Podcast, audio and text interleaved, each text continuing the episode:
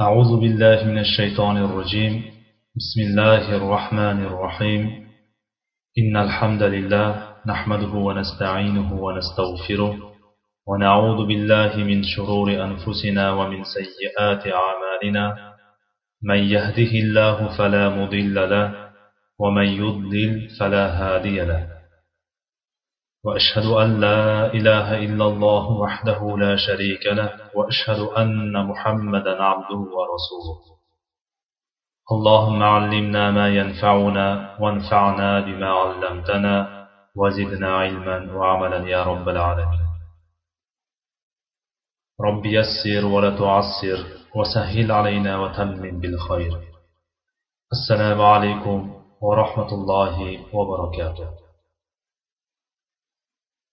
O'tgan darsimizda ayni jalut ma'rakasining samaralari va ayni jalutda nusrat sabablari mavzuimiz bo'lgan edi. Mag'lubiyatimiz sabablari. Asrimizdagi kofirlar va mo'g'ullar o'rtasidagi o'xshashlik oz bo'lsada tafakkur qilgan kishiga osonlikcha ko'rinadi. Zamon va makonlar farqli bo'lsada kufr millati va ularning maqsadi birdir. Bugun asrimiz kofirlarining mo'g'ullarga o'xshashligi bizni qo'rqitmasada o'zimizning o'sha asrlardagi musulmonlarga o'xshashligimiz tahlikalidir musulmonlar nusrat sabablarini bajarsalar dushmani kim bo'lishidan qat'iy nazar? Mo'g'ulmi yahudmi nasoro hindus yoki otashparastmi yengilmaydilar. Musulmonlar mo'g'ullar asrida nusrat sabablaridan g'ofilliklari natijasi o'laroq mag'lubiyatu muvaffaqiyatsizlikka yuz tutdilar. Ular axloqiy kasalliklar iskanjasida na tarixga va na madaniyatga ega bo'lgan mo'g'ullar qarshisida mag'lub bo'ldi bugungi kunimiz kechagi kechmishimizga naqadar o'xshash. Soni milliarddan ziyod bo'lgan musulmonlar ustiga bugun bir hovuch zolimlar har turli musibatlarni yog'dirmoqda nima sabab alloh taolo dushmanlari qalbidan musulmonlar haybatini olib qo'yib musulmonlar qalbiga vahm zaiflik va lohaslikni soldi. Bu kabi savollar javobi tarix sahifalarida bayon qilingan. Ulardan ba'zilariga voqif ham bo'ldik. Qutuz rohimaulloh davrida amalga oshirilgan nusrat sabablarini zikr qildik. Rasululloh sollallohu alayhi vasallam kunlaridan hozirgi kunimiz va to qiyomatga qadar nusrat sabablari o'zgarmas ilohiy qonunlardan biridir. Bu ilgari o'tgan zotlar haqidagi ollohning yo'li qonunidir. Allohning yo'lini esa hargiz o'zgartira olmassiz ahzob surasi oltmish ikkinchi oyat. Musulmonlar mag'lub va zaif bo'lgan zamonlariga diqqat qilinsa bunga sabab ularning nusrat sabablaridan yiroq bo'lishi yoki ma'naviy illatlarga mubtalo bo'lganligiga guvoh bo'lamiz. Shunday ekan bu illatlar nima ekaniga qisqacha to'xtalib o'tsak. Birinchi illat. Maqsadning ravshan emasligi.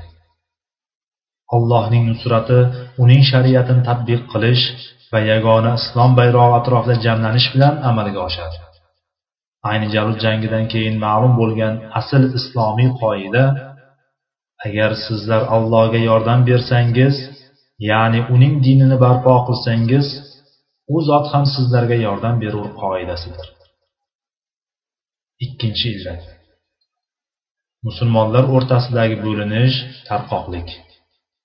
Musulmonlarning mo'g'ullarga mag'lub bo'lishining asosiy sabablaridan biri ham shu edi.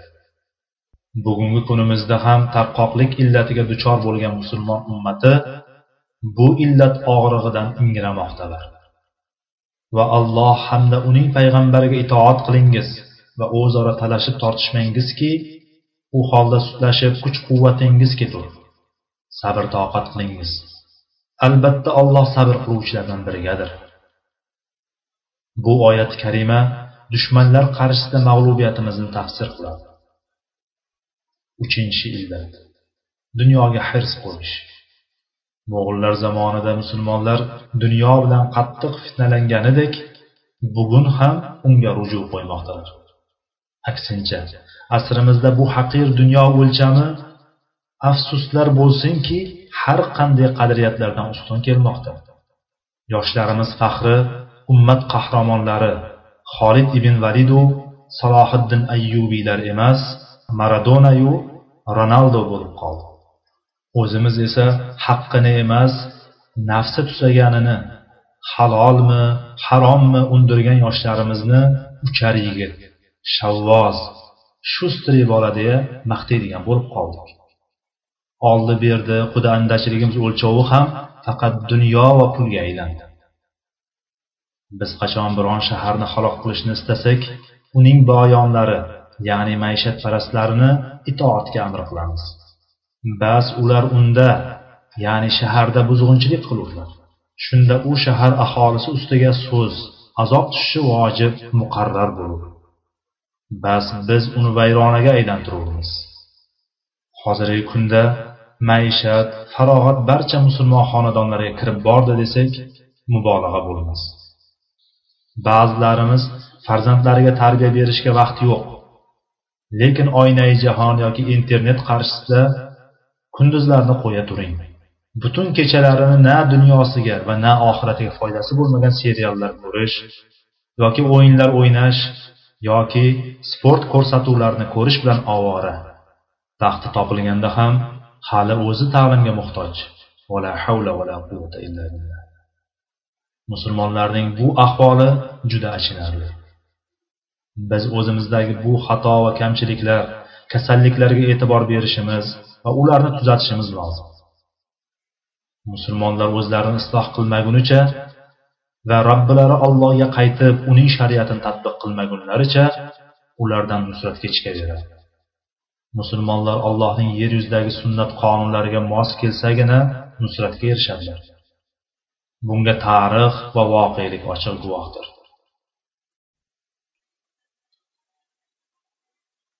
To'rtinchi illat olloh yo'lidagi kurashni tark qilish.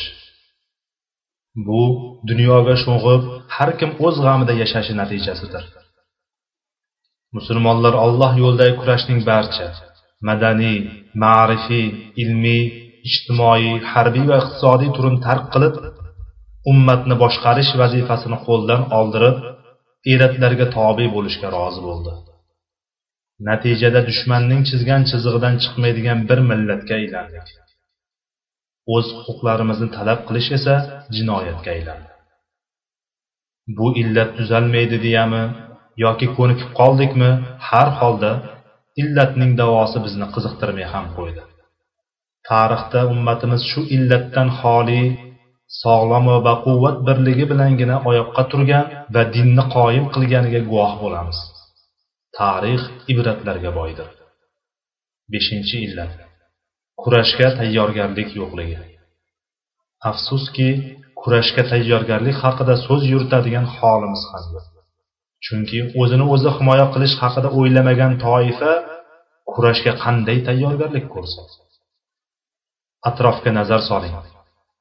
O'zimizni himoya qilamiz deganlar armiyasiyu qurol aslaha hamda ularni takomillashishiga sabab bo'lgan barcha asoslarni yetishtirib bormoqda. Hamda o'zlarining chegaralarida emas biz musulmonlar yerida ichimizga kirib mintaqada urushlar yuzaga keltirib millatimizni qirib yerimizni bosib olib eng achinarlisi o'z yerimizda o'zlarini himoya qiluvchilar ekanliklariga bizni ishontirishlaridir. Demak ular hujumni himoya sanadilar. Ha albatta shunday sanaydilar. Biz qachon xulosa qilamiz? Bizga hurriyat deya qullikni adolat deya zulmni olib kelgan bunga qarshi jonlarini fido qilgan ota bobolarimizga bosmachi terrorist tamg'asini o'z o'g'lonlari tilida joriy qilganlarchi? Ular ham shu tariqa o'zlarini himoya qilganlarmi? Biz hamon uyqudamiz. Ular o'z maqsadlariga erishdilar. Biz dinimizdan uzoq bo'lib g'oyamizni unutdik. Endi dunyoga mashhur olimlaru ixtirochilar o'rniga qo'shiqchi xonandalar raqqosalar sozandalaru qiziqchi masxarabozlik bilan shuhrat qozonmoqdamiz. Ummat bu ahvolda bo'lsa qanday qilib nusratga erishsin oltinchi illat. Namuna o'rnakning yo'qligi. Qutuz xalqini unga chaqirgan barcha shiorlarini amalga oshirishda uning o'zi birinchi safda tura oldi. O'rnak bo'ldi. Alloh taolo bizning elatlarga ham ana shunday o'rnak bo'ladigan qoidlarni boshliqlarni nasib qilsin. Yettinchi kasallik. Ummat dushmanlarini do'st tutish. Dushmanlarni do'st tutish halokatga yetaklovchi xatarli kasallikdir. Bu kasallik islom ummatini mag'lub bo'lishiga olib keladigan bevosita sabablardan hisoblanib dunyo sharmandaligi va oxirat azobiga ham sabab bo'ladi. Ey mo'minlar sizlardan ilgari kitob berilganlar ichidan diningizni hazil masxara qilib olgan kimsalarni va kofirlarni do'st qilib olmangiz. Agar mo'min bo'lsangiz allohdan qo'rqingiz. Moida surasi ellik yettinchi oyat. Qissamizda mo'g'illarni yoki nasroniylarni do'st tutgan amirlar va xalqlarning shu dunyodagi sharmandaliklariga guvoh bo'ldik. O'zi ummati va dinini shayton va uning malaylariga sotganlar dunyo va oxiratini boy berishni bilmasmilar. Balki o'sha payt u qaysidir ma'noda foyda ko'rganday bo'lar biroq oxir oqibat baribir ziyondadir. Koshki buni anglab yetsalar. Yahudiylarni mo'minlarga qarshilik qilishga gijgijlayotgan munofiqlar xuddi shaytonning o'xshashidirlar. Eslang u insonga kofir bo'l degan edi. Endi qachonki inson kofir bo'lgach shayton unga albatta men sendan bezorman. Zero men barcha olamlar parvardigori bo'lmish ollohdan qo'rqurman dedi. Bas ikkisining shayton va uning so'ziga kirib kofir bo'lgan insonning oqibati do'zaxga kirib unda mangu qolishlari bo'ldi.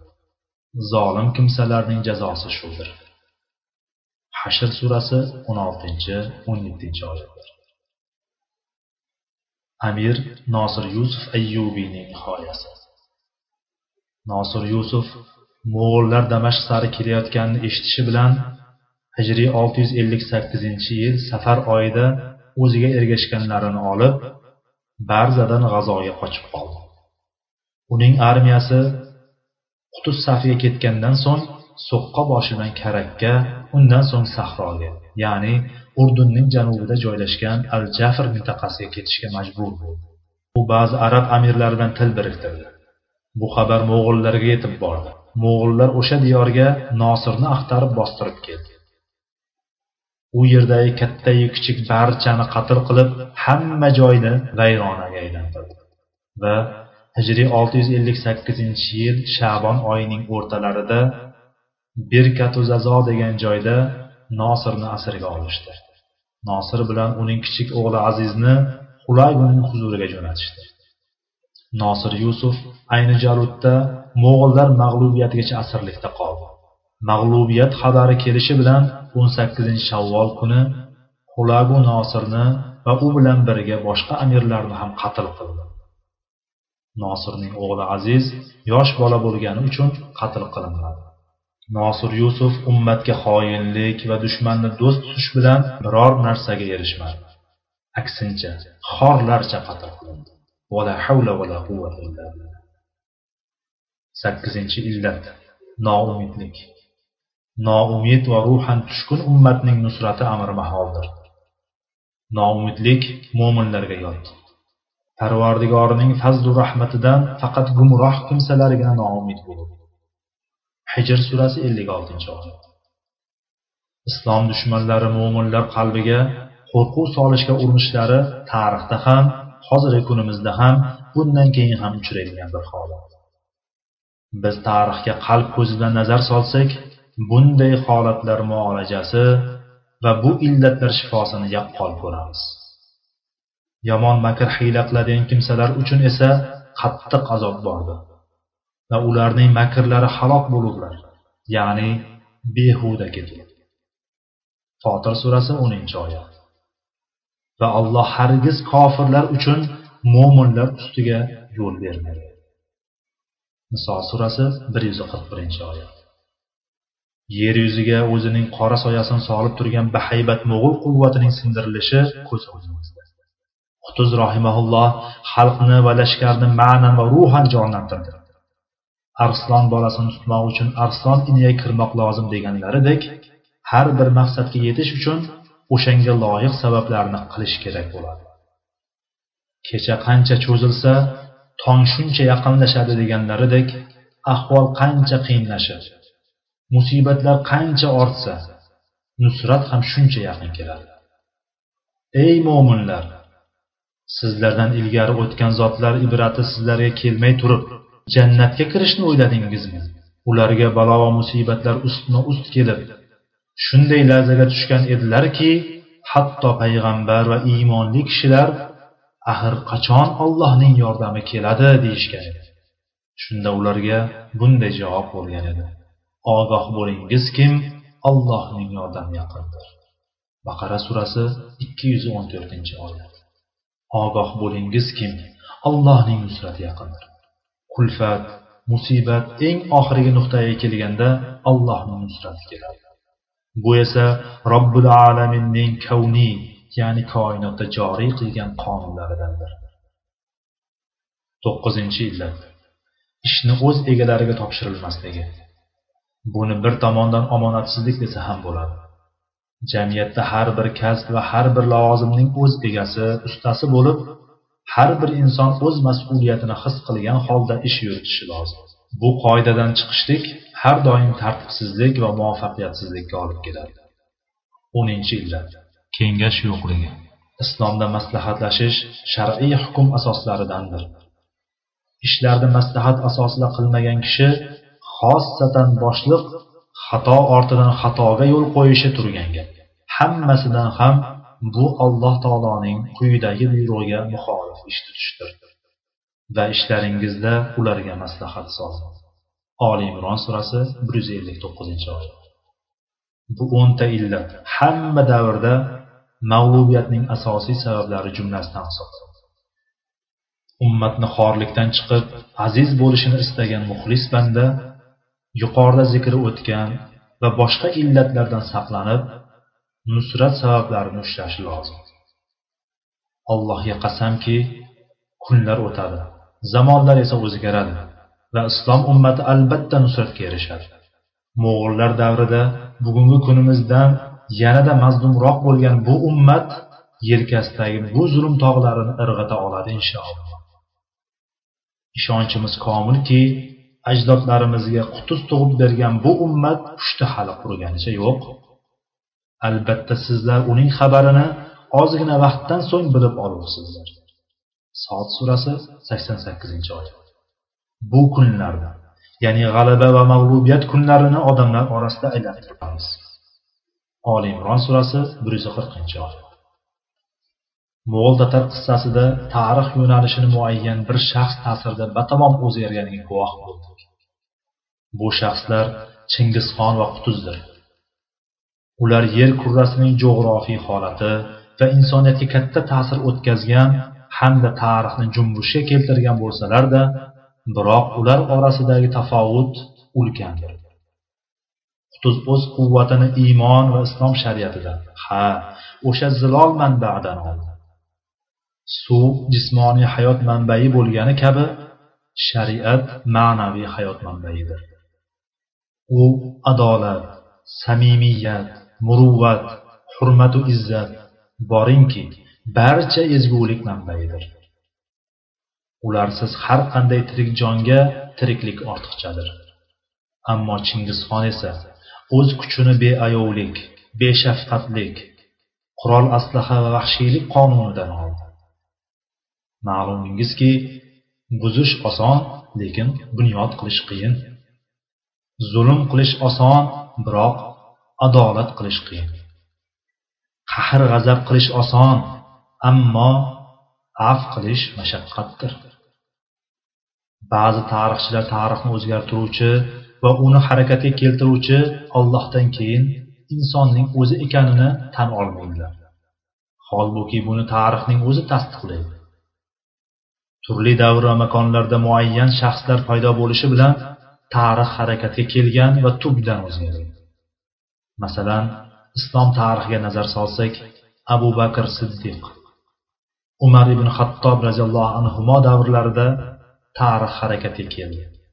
Katta futuhotlar bo'ldi.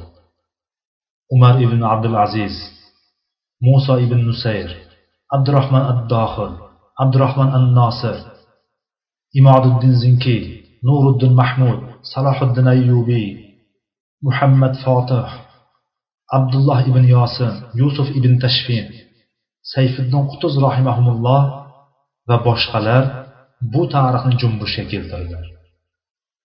Holbuki ular turli zamonlarda yashab o'tgan edilar.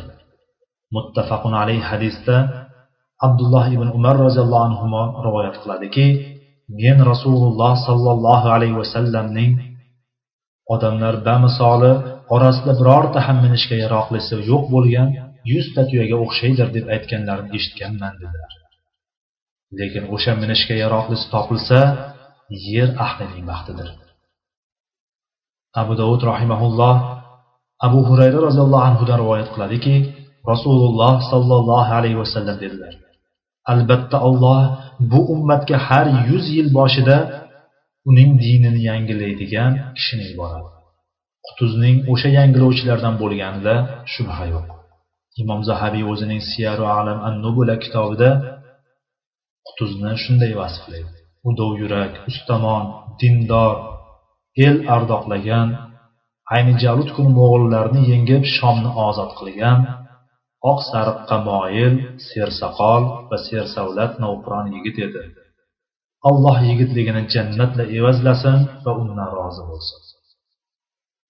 Ibn kasir rahimaulloh qutuz rahimaullohni al bidayat va nihoyada shunday sifatlaydi u sersaxovat shijoatli qahramon islom va musulmonlarga nasihatgo'y edi. Odamlar uni yaxshi ko'rib uning haqqiga mudom duoi xayrda edilar. Musulmon tarixchilarning odamlardan biror kishiga xossatan boshliqqa muhabbatli bo'lgani zikr qilishlari e'tiborga loyiq bo'lgan nozik nuqtadir zero ummatning solih kishilari faqat solih kishilarnigina yaxshi ko'rgani buzg'unchi va fosiq kimsalarni esa yomon ko'rgani kunday ravshandir solih kishilarning bir kishini yaxshi ko'rishi uning alloh taoloning yaxshi ko'rgan bandasi ekanligiga shuningdek ularning bir kishini yomon ko'rishi uning alloh taoloning yomon ko'rgan bandasi ekanligiga ishora bo'ladi imom muslimning rivoyatlarida kelishicha abu hurara roziyallohu anhu rivoyat qiladi. Rasululloh sollallohu alayhi vasallam agar alloh taolo biron bandasini yaxshi ko'rsa jabroil alayhissalomni chaqirib men falon kishini yaxshi ko'raman sen ham uni yaxshi ko'rgin deydi. Keyin jabroil alayhissalom ham uni yaxshi ko'radi va osmon ahlini chaqirib alloh taolo falon kishini yaxshi ko'rdi sizlar ham uni yaxshi ko'ringlar desa osmon ahli ham o'sha kishini yaxshi ko'rishadi. Keyin bu narsani yer ahli ham qabul qilib olishadi. Agar alloh taolo biron bandasini yomon ko'rsa jabroil alayhissalomni chaqirib men falon kimsani yomon ko'raman sen ham uni yomon ko'rgin deydi. Bas jabroil alayhissalom ham uni yomon ko'radi. Keyin osmon ahlini chaqirib olloh falon kishini yomon ko'radi sizlar ham uni yomon ko'ringlar deb aytadi. Keyin bu yomon ko'rish yer ahlida ijro bo'ladi. Ya'ni bu kishi yer yuzida hammaning ko'ziga yomon ko'rina boshlaydi dedilar. Voqea hayotimizda qutuz kabi jonkuyarlar va mo'g'ullar singari buzg'unchilarning hodisalar sahnasi to'ridan joy olishi tabiiy holdir. Lekin alloh halok bo'lguvchilar ochiq hujjat bilan halok bo'lsinlar. Tirik qolguvchilar ham ochiq hujjat bilan tirik qolsinlar deb qilinishi kerak bo'lgan ishni amalga oshirish uchun kofirlar bilan musulmonlarni to'qnashtiradi. Qutuzning o'limi qissasi. Sayfiddin qutuz qissasining oxirgi va ayanchli sahifalarini eshituvchi tinglovchini hayrat to'lqinida qoldirsada so'zlashga majburmiz. Bu qissaning ayanchli tomoni qutuz rohimaulloh misr taxtiga o'n bir oyu o'n yetti kungina o'tirgani xolos. Go'yo u bir vazifani ummatga o'zligini tanitib qo'yishgagina taxtga o'tirgandek ayni jarud g'alabasidan ellik kundan so'ng olamdan rukniddin beybars o'ziga hali voliyligini berilmagani natijasi o'laroq eski adovat qo'zg'alib amir sayfiddin bulbon roshidiy amir sayfiddin bahodir muizziy amir badriddin muizziy amir baydag'on rukniy amir bulbon horuniy amir badriddin anas isbahoniylar bilan podshoh muzaffar qutuzni o'ldirishga yashirincha kelishib oldilar bu ish bo'lishi kerak ekan bo'ldi. Allohning taqdiridan qochib qutulguvchi yo'q. Qutuz misrga kelganidan bir oz vaqt o'tib bu amirlar bilan birga ovga chiqadi va ovdan qaytgan chog'ida ruknuddin asirga tushgan bir mo'g'ul qizni berishini so'raydi. Qutuz unga qizni taqdim qiladi. Minnatdorchilik bildirgan rukniddin qutuzning qo'lini o'padi. Bu uning amirlarga ishorasi edi. Amirlar birdan qutuzga hamla qilib uni qatl qildilar. Bu orada askar qo'mondoni farisiddin o'qtay assog'ir keladi va u qutuzni kim o'ldirdi? deb so'raganda rukniddin men o'ldirdim deb javob beradi. Va shu tariqa rukniddin misrga podshoh bo'ladi. Shu kundan e'tiboran u podshoh zohir laqabini oladi. Bu voqea hijriy olti yuz ellik sakkizinchi yil o'n oltinchi zulqada melodiy bir ming ikki yuz oltmishinchi yil o'ttizinchi oktyabr shanba kuni yuz berdi. Inna lillahi va inna ilayhi rojiun. Shayx aziz ibn abdusalom qutuz vafotidan so'ng musulmonlar uning qo'li bilan qo'lga kiritgan buyuk nusratning zavol bo'lishidan qo'rqib shunday deya yig'lagan edi. Rahmatlik yigit agar uzoqroq yashaganida islomni yoshartirib yangilagan bo'lardi. Garchi qutuz uzoq umr ko'rgan bo'lmasada mamalik davlati salkam uch asrga qadar davom etdi. Darhaqiqat qutuz mamluklar davlatiga mustahkam asos qo'ygan edi. Qolganlar shu asos ustiga mustahkam bino qurdilar. Shayx izz ibn abdusalom rahimaulloh shunday dedi. Musulmonlarga umar ibn abdul aziz rahimaullohdan keyin qutuzdek salohiyat va adolat hukm qiluvchi kishi voliy bo'lmadi. Bu qutuz rahimaullohning islom maydonidagi qadr qiymatidir. U bu darajaga alloh taoloning kitobi va rasuli sollallohu alayhi vasallamning sunnatlarini tadbiq qilish bilan erishdi. Yo'qsa islom bo'lmasa umar kim edi? Islom bo'lmasa xolid toriq ibn ziyod qutuz kim edi? Alloh taologa hamdlar bo'lsinki uning kitobi oldimizda bo'lganidek rasululloh sollallohu alayhi vasallamning sunnatlari ham ko'z oldimizda. Alloh taolo ularni saqladi va to qiyomat himoya qilajak. Ummat uni ushlasa hargiz yo'ldan ozmaydi. Imom molik rahimaulloh mavattada rivoyat qiladi. Rasululloh sollallohu alayhi vasallam dedilar. Men sizlarga ikki narsani qoldirdim. Agar uni mahkam ushlasangiz hargiz adashmaysiz. U allohning kitobi va nabiyining sunnatidir. Xolid qoqo toriq salohiddin va qutuzlarni yaratgan alloh taolo bu ummat ichidan voqelikni o'zgartiradigan dinini yangilaydigan ularda umid uchqunlarini paydo qiladigan allohning izni bilan butun olam va ummatlarga peshvolik va jannatlar sari yetaklaydigan rijollarni yaratadi. Shu tariqa mo'g'ul tatar qissasi va ayni jalut qissasi nihoyasiga yetdi. Solihlar ham tolihlar ham zolim va musulmon lashkar ham o'ldi. Yillar asrlar o'tdi. Diyorlar qal'a va qo'rg'onlar o'zgardi. Shodu xurramlar bir tomonu g'urbatdagilar bir tomonda o'tdi. Hamma hamma narsa o'tib ketdi. Faqat undagi ibratlargina qoldi. Darhaqiqat ularning qissalarida aql egalari uchun ibrat bordir. Ushbu qur'on to'qib chiqariladigan so'z emas balki o'zidan avvalgi narsalarni ya'ni samoviy kitoblarni tasdiq etuvchi unga iymon keltirgan qavm uchun barcha narsalarni mufassal bayon qilib beruvchi hidoyat va rahmat bo'lgan bir kitobdir. Yusuf surasi bir yuz o'n birinchi oyat. Imom buxoriy va muslim o'zlarining sahihlarida xabar beradilar abu hurayra roziyallohu anhu rivoyat qiladi. Rasululloh sollallohu alayhi vasallam bunday deb marhamat qildilar. Alloh o'zining yo'lida chiqqan odamga kafolat berib uning uyidan chiqargan narsa faqatgina menga iymon keltirib elchilarimni tasdiqlab mening yo'limda jihod qilish uchun bo'lsa uni shahid qilib jannatga kirgizmoq yoki chiqqan makoniga qo'liga kiritgan g'animatlari yoki ajri bilan qaytarmoq kafolati mening zimmamgadir deydi. O'zgartirilmaydigan va almashtirilmaydigan ilohiy qonunlar va kavniy sunnatlar boqiy qoladi. Agar sizlarga olloh yor bo'lsa hech kim sizlardan g'olib bo'lmas.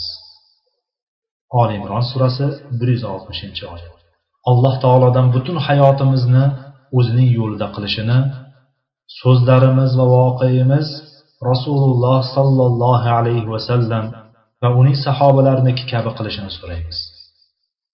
Ular payg'ambarimiz sollallohu alayhi vasallamga bayat berdilar va bu bayatlarda sodiq qoldilar. Alloh subhanahu va taolodan uning yer yuzida joriy qilgan qonunlarini bildirishini manfaatli bo'lgan ilmni ta'lim berib ta'lim bergani bilan foydalantirishini va tarixni bizlarga ibrat qilishini so'raymiz. Albatta u uning qo'lida va u bunga qodir zotdir. Hali men sizlarga aytayotgan so'zlarni eslaysizlar. Men o'z ishimni allohga topshirurman zero alloh bandalarini ko'rib turguvchidir vallohu taala alam سبحانك اللهم وبحمدك. أشهد أن لا إله إلا أنت أستغفرك وأتوب إليك. وآخر دعوانا أن الحمد لله رب العالمين. وصلى الله تعالى على خير خلقه محمد وعلى آله وأصحابه أجمعين. والسلام عليكم ورحمة الله وبركاته.